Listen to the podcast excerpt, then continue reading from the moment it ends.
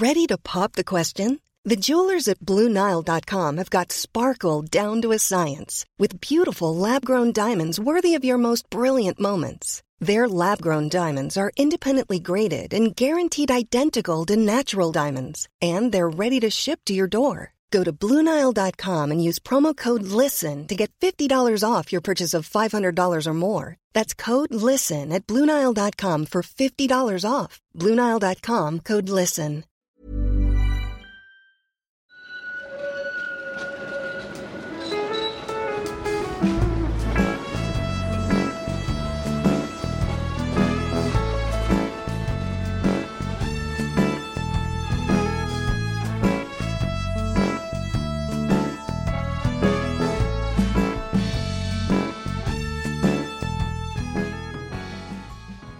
Hej och välkomna till Gator och torg i Göteborg. En podcast om platser i Göteborg. Jag heter Malin Fricke och jag är programledare i det här avsnittet. Och med mig som vanligt har jag gymnasieläraren och Göteborgskännaren Mattias Axelsson. Hallå! Hej Malin! Ja, men vi kör väl då? Ja, Var befinner vi oss idag? vi sitter i en källare på Västra Hamngatan, eller korsningen Drottninggatan, Västra Hamngatan. Vi är alltså på Bishops Arms Plaza i Sveahuset med adress Västra Hamngatan, för det är ju just om gatan Västra Hamngatan som vi ska prata idag. Japp. Det är väldigt mysigt och mörkt och murrigt här nere i källaren. Ja, och man Fina hör valv. kanske ett litet diskret bakgrundssorl från alla de gäster som är här på krogen. Vi har lite öl upphör, hö, upphällda i Mm. glasen, så vi kanske blir lite sliriga mot slutet av avsnittet. Vi får se. lite fina stout som står på värmning och en god IPA här. Men eh, vi sätter väl igång då. Alltså vi sitter ju på Västra Hamngatan nu. Eh, hur länge har gatan funnits här? Ja, egentligen så kan man ju säga att den här gatan har funnits så länge som Göteborg har funnits. Göteborg grundas ju 1621, eller får sina stadsprivilegier 1621. Och då är det ju en kanal som går längs med Västra Hamngatan, så kallade Västra Hamnkanalen. Sen lägger man ju igen den kanalen i början på 1900-talet. Så den typen av Västra Hamngata som vi känner idag, den kan man ju säga finns i Göteborg från tidigt 1900-tal. Och den sträcker sig då från Lilla torget, Kämpebron, hela vägen ner till Grönsakstorget och Vasabron tror jag att den bron heter som går över Vallgraven. Det låter ju skittråkigt. Det hade ju varit jättemysigt om det var en kanal där som lite lilla Venedig. Ja, jag vet inte om du hade uppskattat det så mycket om vi hade rest tillbaks till det 1700-talska Göteborg du hade fått dofta och lukta på de dofter som strömmade upp från Västra Hamnkanalen. Men absolut, det har ju väckts en del förslag, framförallt att man ska göra en kanal av Östra Hamngatan igen, för Göteborg hade ju egentligen tre kanaler, eller tre hamnkanaler från det att staden grundas. Stora hamnkanalen, den har vi ju kvar. Den går ju från Stora Bommen, eller från Stenpiren som det numera heter, hela vägen bort via Brunnsparken till Drottningtorget där den ansluter till Fatthusån. Men innan dess så hade vi ju också Västra Hamnkanalen som gick längs med Västra Hamngatan och Östra Hamnkanalen som gick längs med Östra Hamngatan. Och det har ju väckts en del seriöst menade förslag. Framförallt då att man ska göra en kanal av Östra Hamngatan igen. Mm. Ja, men man kan väl få romantisera lite om Ja, svunna tider. det är helt okej att göra det. Jag är ju själv en liten nostalgiker av mig så jag tänker att det är helt okej. Ja, men det var en kanal här då från början, men varför var det det? Ja, alltså när Göteborg grundas som stad i början på 1600-talet så är det ju holländska arkitekter som ritar staden. Och Göteborg har ju redan från början varit en handels och sjöfartsstad. Och Göta älv har ju varit helt avgörande för Göteborg som stad. Och det smidigaste sättet sättet under 16, 17 och 1800-talet att transportera sig det var ju just att göra det vattenvägen. Så skulle du ta dig till Göteborg så var det vanligaste att man kom via vattnet, att man kom antingen utifrån havet in i Göta älv eller att man kom uppifrån nedströms Göta älv. Och ska du då in i staden så är ju det naturliga att du kommer in via båtar och då tar dig in i Stora Hamnkanalen. Och därmed så blir det också naturligt att du bygger kanaler som går längs med norr till söder som Västra Hamnkanalen gör och Östra Hamnkanalen gör.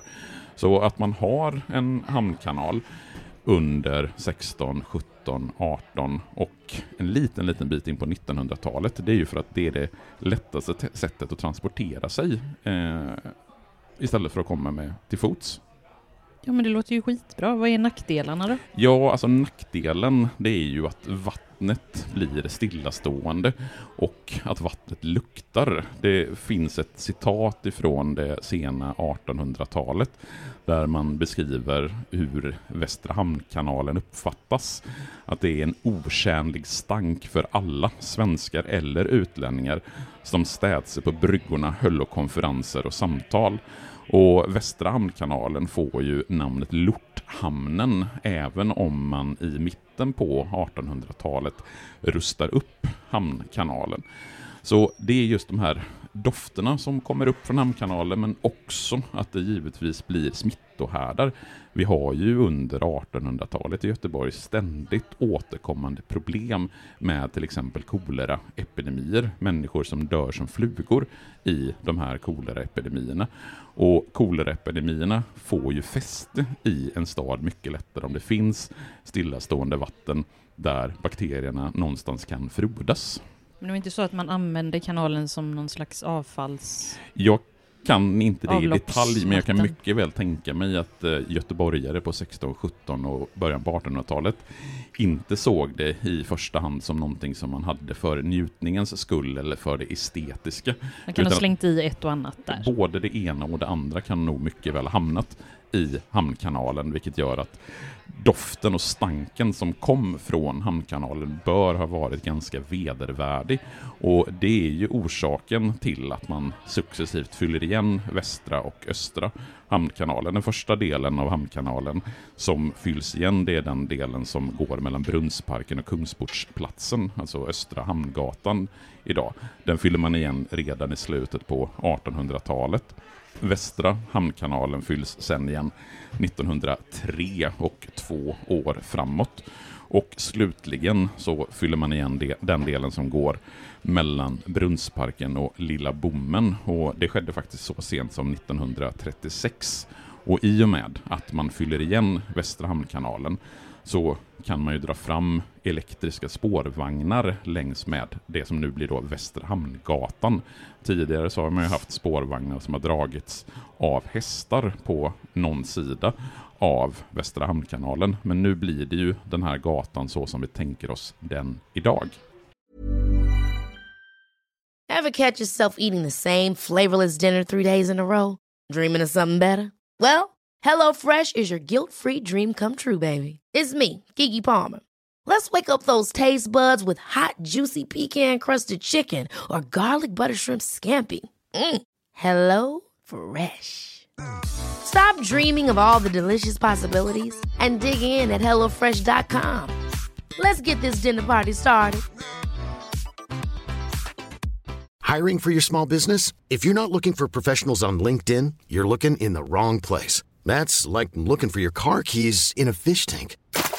LinkedIn helps you hire professionals you can't find anywhere else, even those who aren't actively searching for a new job but might be open to the perfect role. In a given month, over 70% of LinkedIn users don't even visit other leading job sites. So start looking in the right place. With LinkedIn, you can hire professionals like a professional. Post your free job on linkedin.com slash achieve today. Men om vi ska ta oss längs med Västra Hamngatan så börjar ju den vid Lilla torget där. Eh, beror det på att hamninloppet ligger i närheten? Ja, alltså Stora Hamnkanalen har ju sin början vid Stora Bommen eller Stenpiren. Och det är ju bara ett stenkast ifrån där Lilla torget ligger. Och Lilla torget heter ju torget i förhållande till Stora torget. Och Stora torget, det var ju det namnet som Gustav Adolfs torg hade fram tills att statyn på Gustav II Adolf eh, blir rest i mitten på 1800-talet. Och Lilla torget, det var ett torg som man framförallt hade fiskhandel på. Det vill säga fiskare från gissningsvis Göteborgs skärgård kom via Göta älv in via Stora Bommen, Stora Hamnkanalen och la till vid Lilla torget där man sen bedrev fiskhandel under ganska lång tid. Sen ska man ju komma ihåg, och när vi sen kommer in på de olika byggnaderna som går längs med Västra Hamngatan, så finns det ju egentligen inga byggnader kvar äldre än tidigt 1800-tal. För Göteborg har ju vid flera tillfällen drabbats av stadsbränder. Och det är ju det som gör att vi har extremt få hus kvar i Göteborg som är äldre än tidigt 1800-tal. Och husen på ömse sidor om Västra Hamngatan har ju brunnit.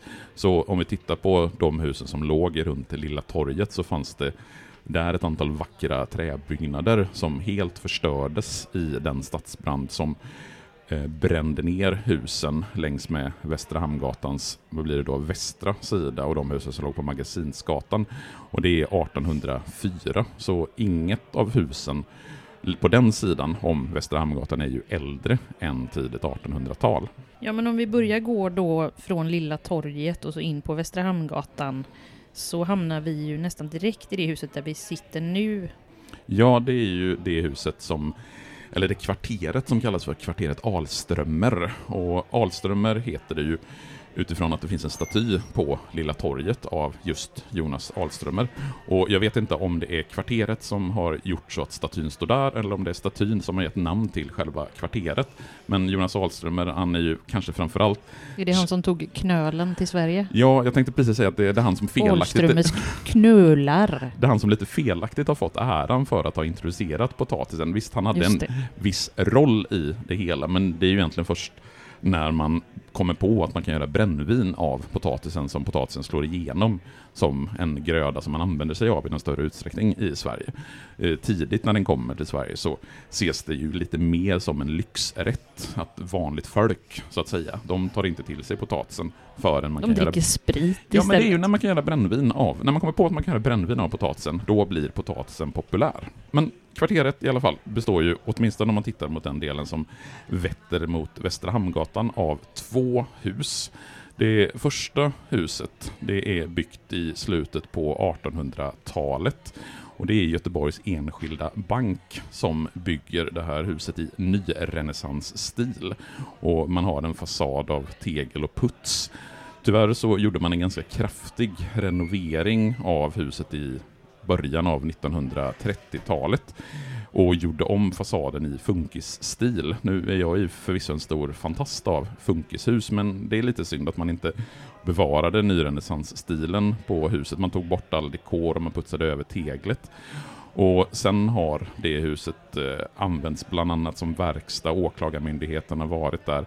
Och jag tror att Nordea fortfarande har sitt kontor i det huset som då har sin ingång mot korsningen Lilla torget, eh, Västra Hamngatan. Så någonstans kan man säga att huset lite grann har kommit tillbaka till sina rötter, så som det byggs i slutet på 1800-talet. Men det huset som vi sitter i, alltså det som ligger i korsningen Drottninggatan, Västra Hamngatan, det kallas ju då för Sveahuset. Och det kan man ju se om man tittar upp på husets tak. För längst upp på Sveahuset så har man en eh, Svea-staty och den är ganska imponerande, den är ganska stor. För även om man står nere på Västra Hamngatan och tittar upp på Sveahuset så är Moder Svea, som är en staty som man importerade från Berlin, eh, en staty som ger ett tämligen imponerande intryck.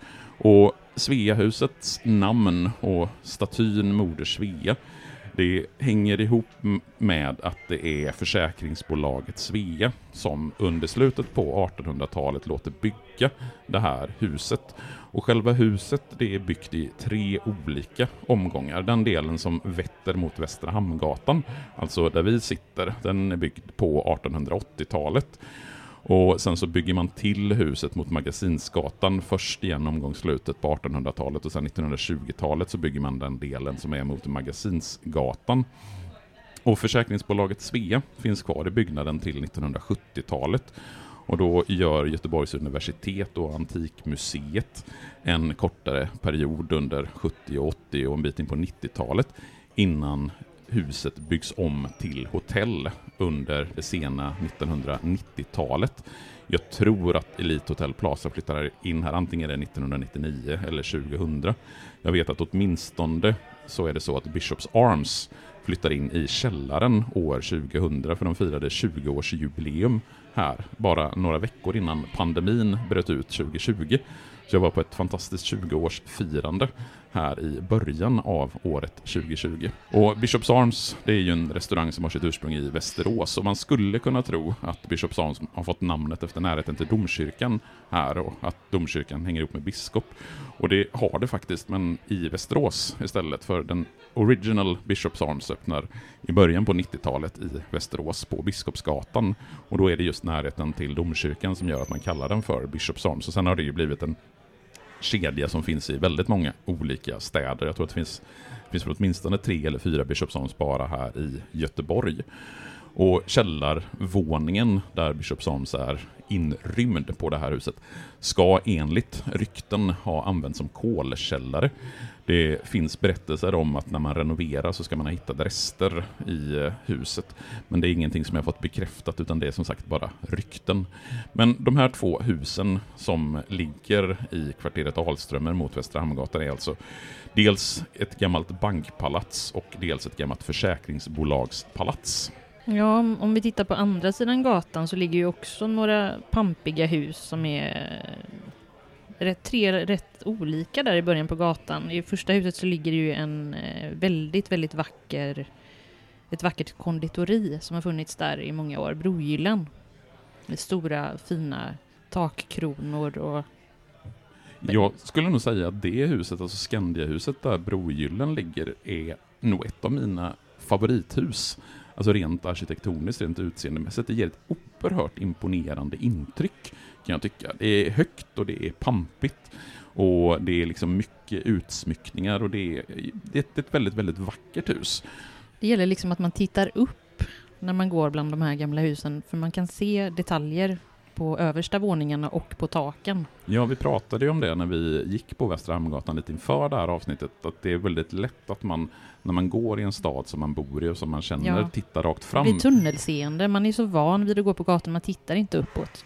För tittar man upp, alltså, om man inte tittar upp, då missar man ju den här fantastiska statyn av Moder Svea på Sveahuset. Du missar den här fantastiska takvåningen uppe på Skandiahuset. Du missar väldigt mycket utsmyckning och ornament som finns på de här. Och man missar också det att det finns väldigt mycket vackra hus i centrala Göteborg. Man, ibland så får man den här bilden eller har den här tanken om att allting i centrala Göteborg ser ut som östra Nordstan. Och så är det ju verkligen inte. Och det ser man ju om Eller uppe på Avenyn som är väldigt tråkigt och moderniserat. Ja, alltså, Men eh, blicka finns... upp om du är ute och turistar i den egna staden eller om du är här på en weekend.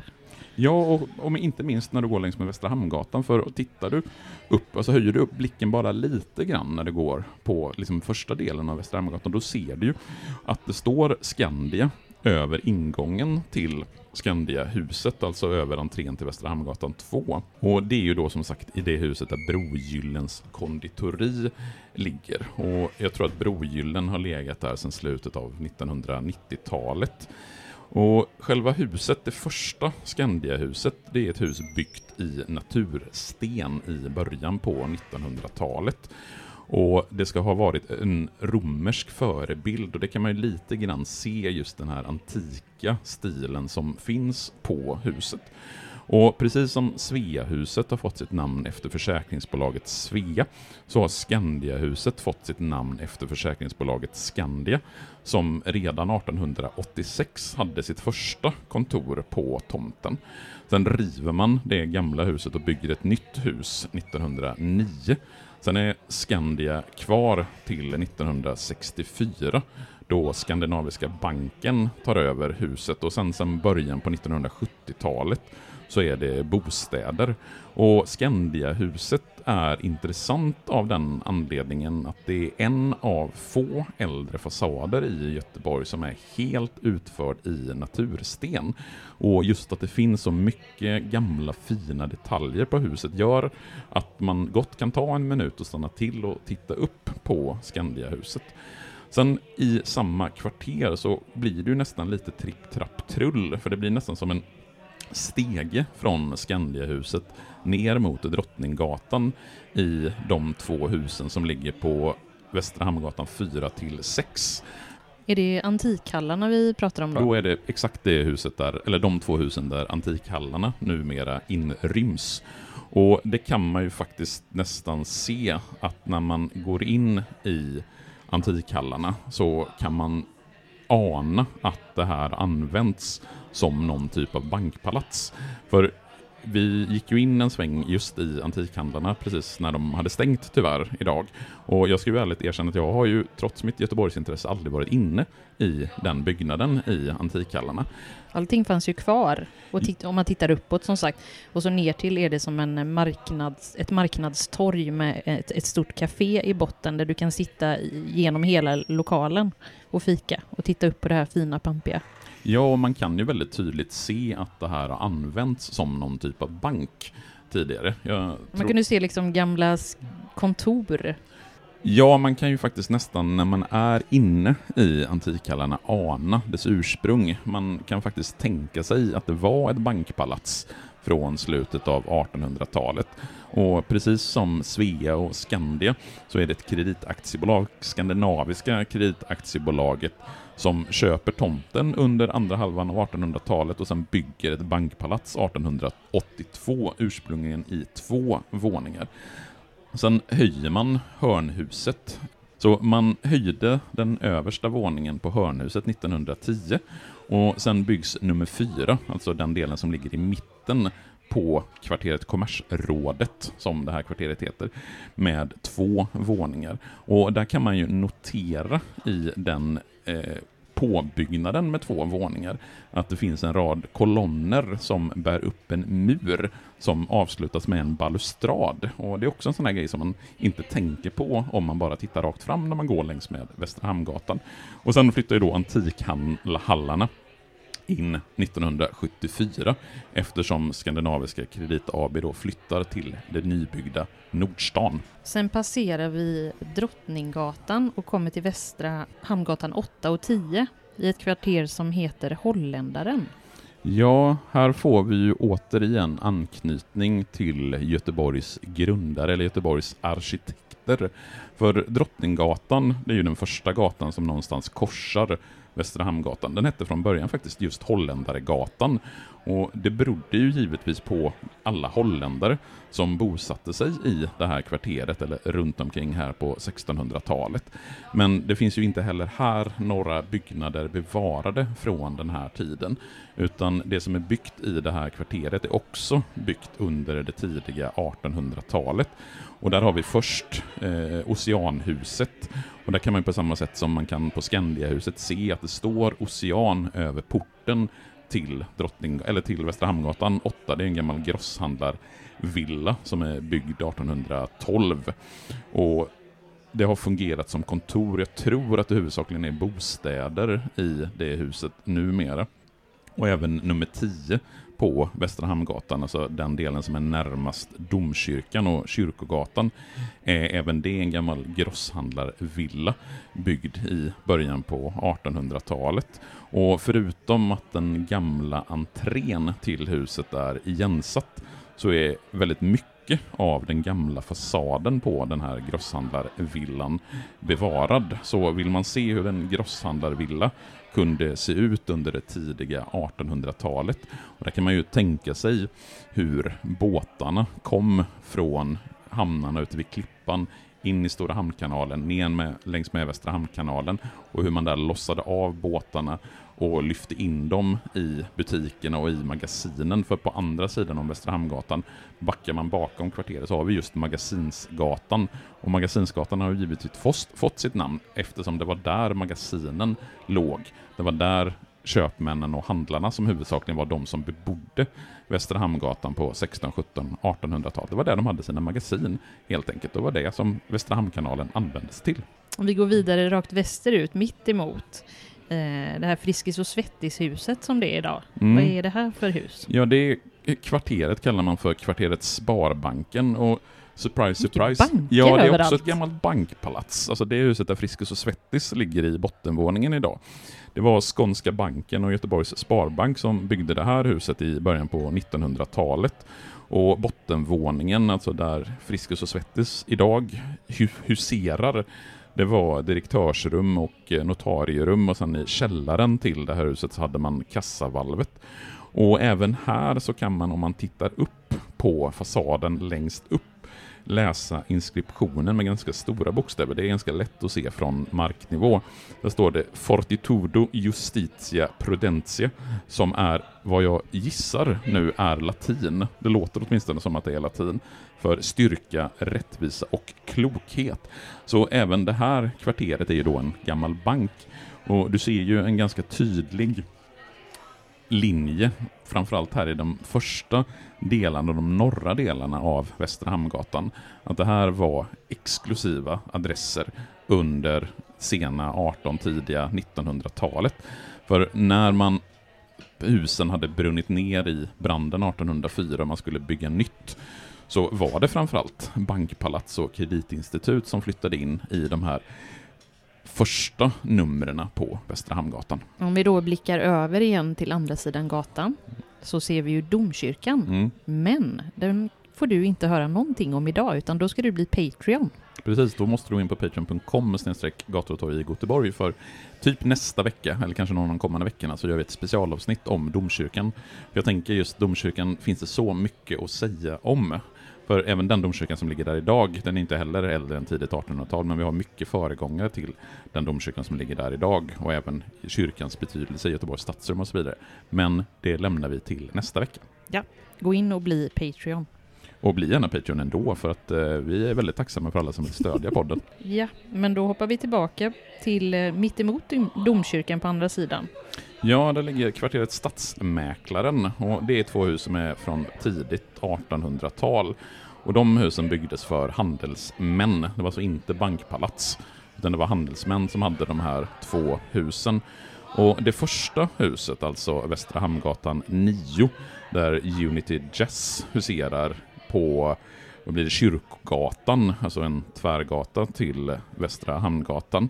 Där ska det finnas, jag har själv inte lyckats identifiera det, men i en bok om Göteborgs kanaler så skrivs det och sägs det att det ska finnas krokar i någon av portarna där, alltså krokar där man hängde upp saker som man lossade av från båtarna innan de lyftes till magasinen.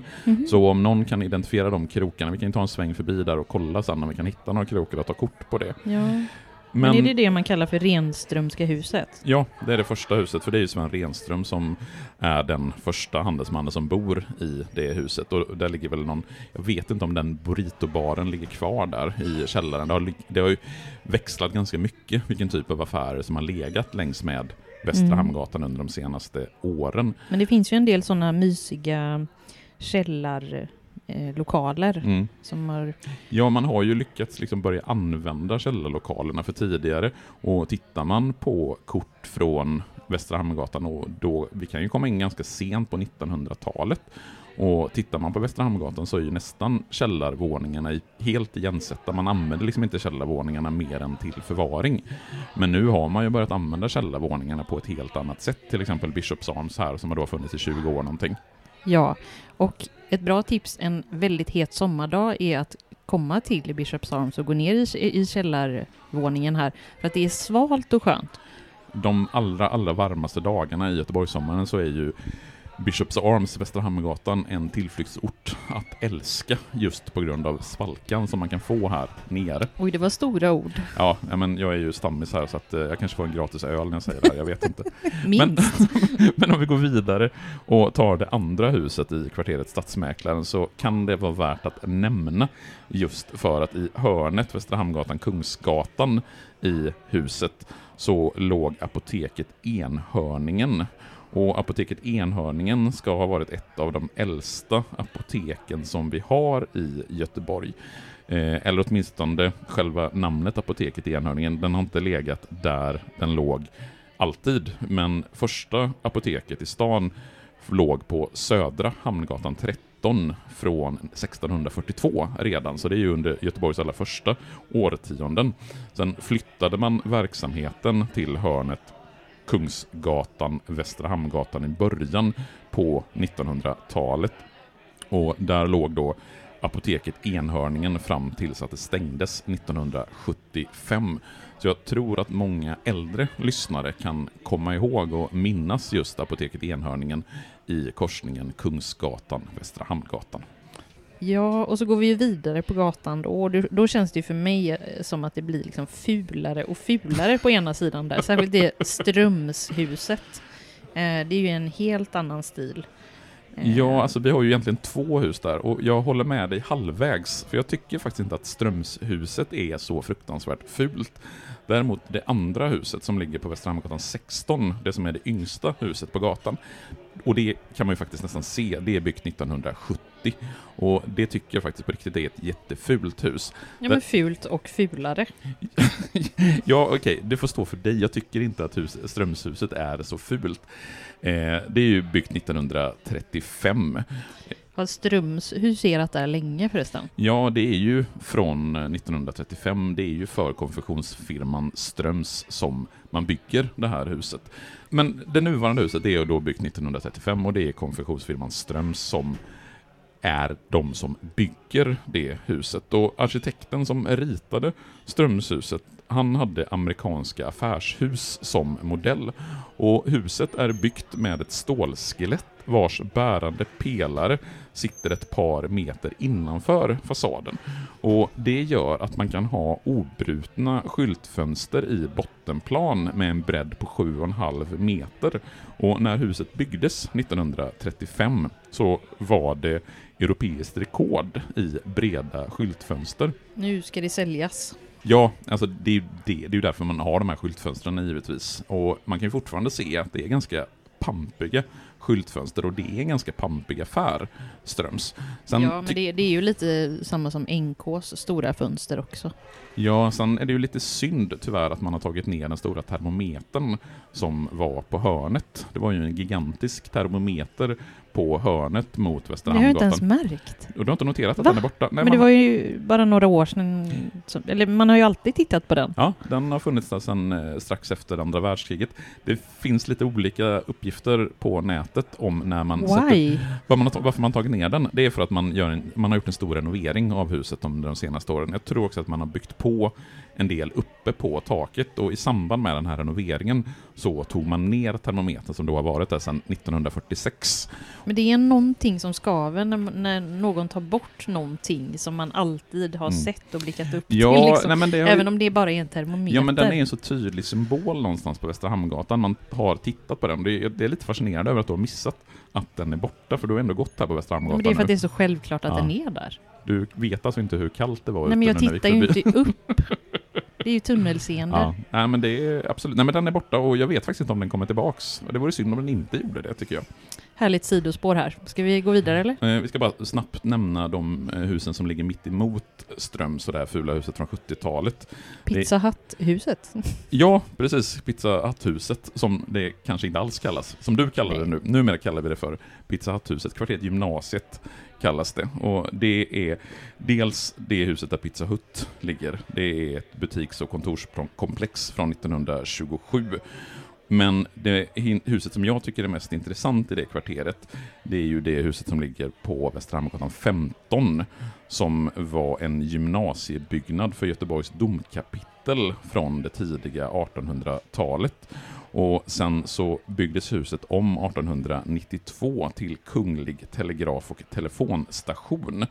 Och det nämner jag mest för att man återigen ska titta upp på fasaden på det huset, för där kan man fortfarande se texten just Kunglig telegraf och telefonstation uppe på Västra Hamngatan 15 och sen byggs det huset i slutet av 1900-talet om för LM Engströms gymnasium som flyttar in delar av sin verksamhet i det huset. Ja, då börjar vi närma oss slutet på gatan här. Vad, vad finns det kvar för hus?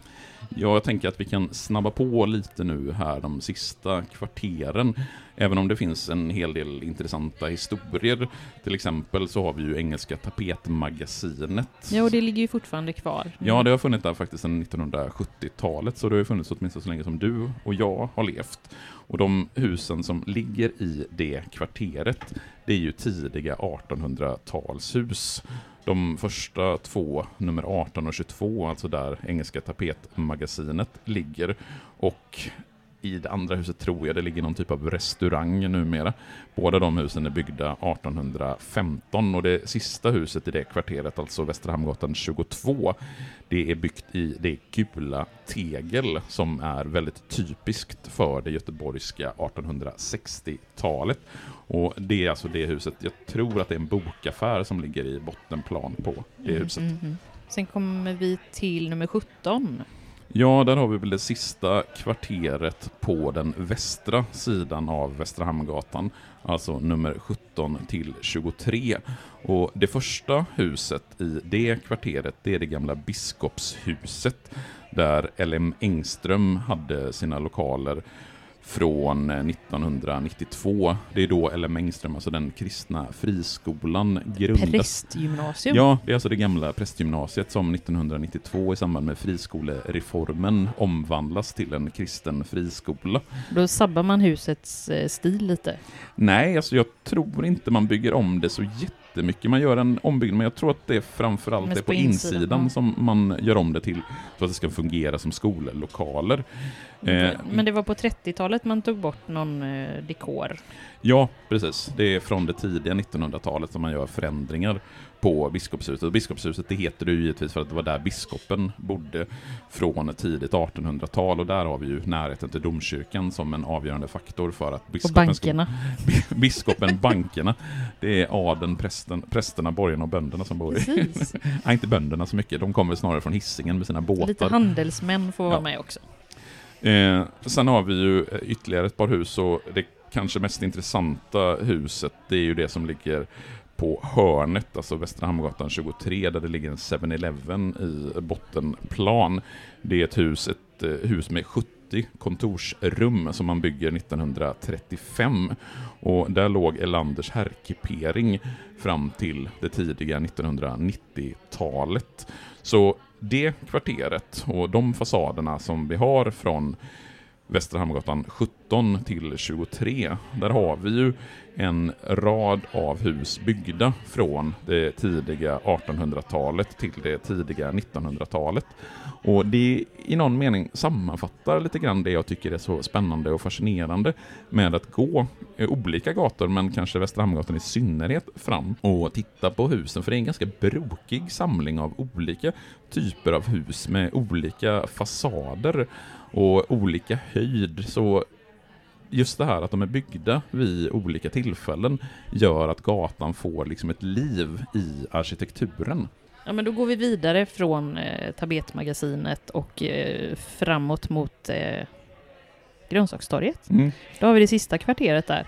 Kvarteret Blomsterkvasten, som det heter. Ja, Kan du berätta något om det? namnet kommer ju från att eh, torget, alltså själva grönsakstorget, när man rev muren i början på 1800-talet, alltså den mur som gick längs med vallgraven, då öppnade ju upp sig en yta här som man kunde använda.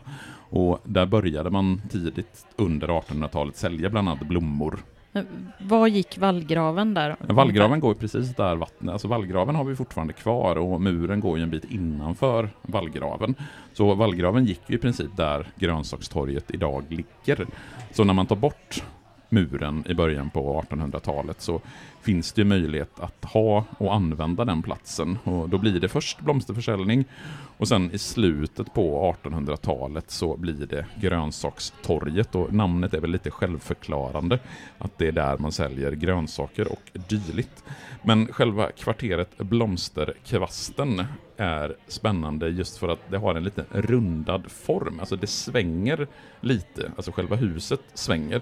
Och det beror på att Västra Hamnkanalen svängde just här. Alltså slutet på Västra, den är ju ganska rak till en början. Alltså att det buktar ut. Det blir liksom en sväng när den ansluter till vallgraven. Och det huset som man bygger 1863, det är ju innan man fyller igen hamnkanalen. Då måste ju huset i någon mening följa kanalen, för annars så sticker det ju liksom ut i kanalen. Och det här huset har beskrivits som ett monumentalt fyrvåningshus som var ovanligt högt och ovanligt stort för sin tid, alltså när det byggs i mitten på 1800-talet. Och idag så inryms ju ett stort antal bostadslägenheter i det här kvarteret. Jaha. Bostäder alltså? Mm. Ja, det är ganska mycket bostäder längs med Västra Hamngatan numera. Man tänker ju att det är mest företag och mottagningar och Mm. salonger och.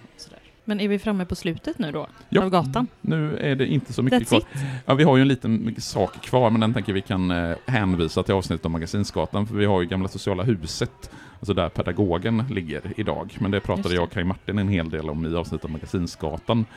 Och vi kan väl med det säga att i och med att vi har kommit fram till Grönsakstorget och Vasabron, den nybyggda Vasabron över vallgraven, så har vi tagit oss hela vägen från Lilla torget, de nästan 500 meter som det är från Lilla torget till Grönsakstorget och täckt en hel del av Västra Hamngatans historia. Och då tackar vi för den här gången och ses på nästa Det är så roligt, både gata du, eller torg. både du och Daniel säger alltid vi ses, det gör vi absolut inte, vi hörs. Det är så man säger i radio. Okej, Vi hörs. vi hörs. Hej.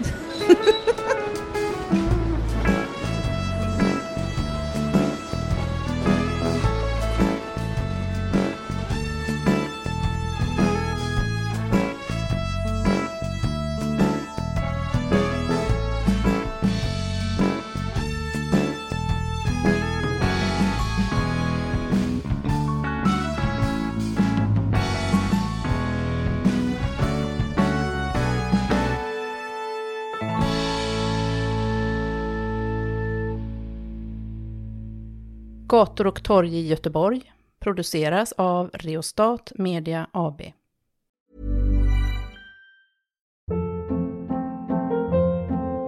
Hold up. What was that? Boring. No flavor. That was as bad as those leftovers you ate all week. Kiki Palmer here, and it's time to say hello to something fresh and guilt-free. Hello Fresh. Jazz up dinner with pecan-crusted chicken or garlic butter shrimp scampi. Now that's music to my mouth. Hello Fresh. Let's get this dinner party started. Discover all the delicious possibilities at hellofresh.com.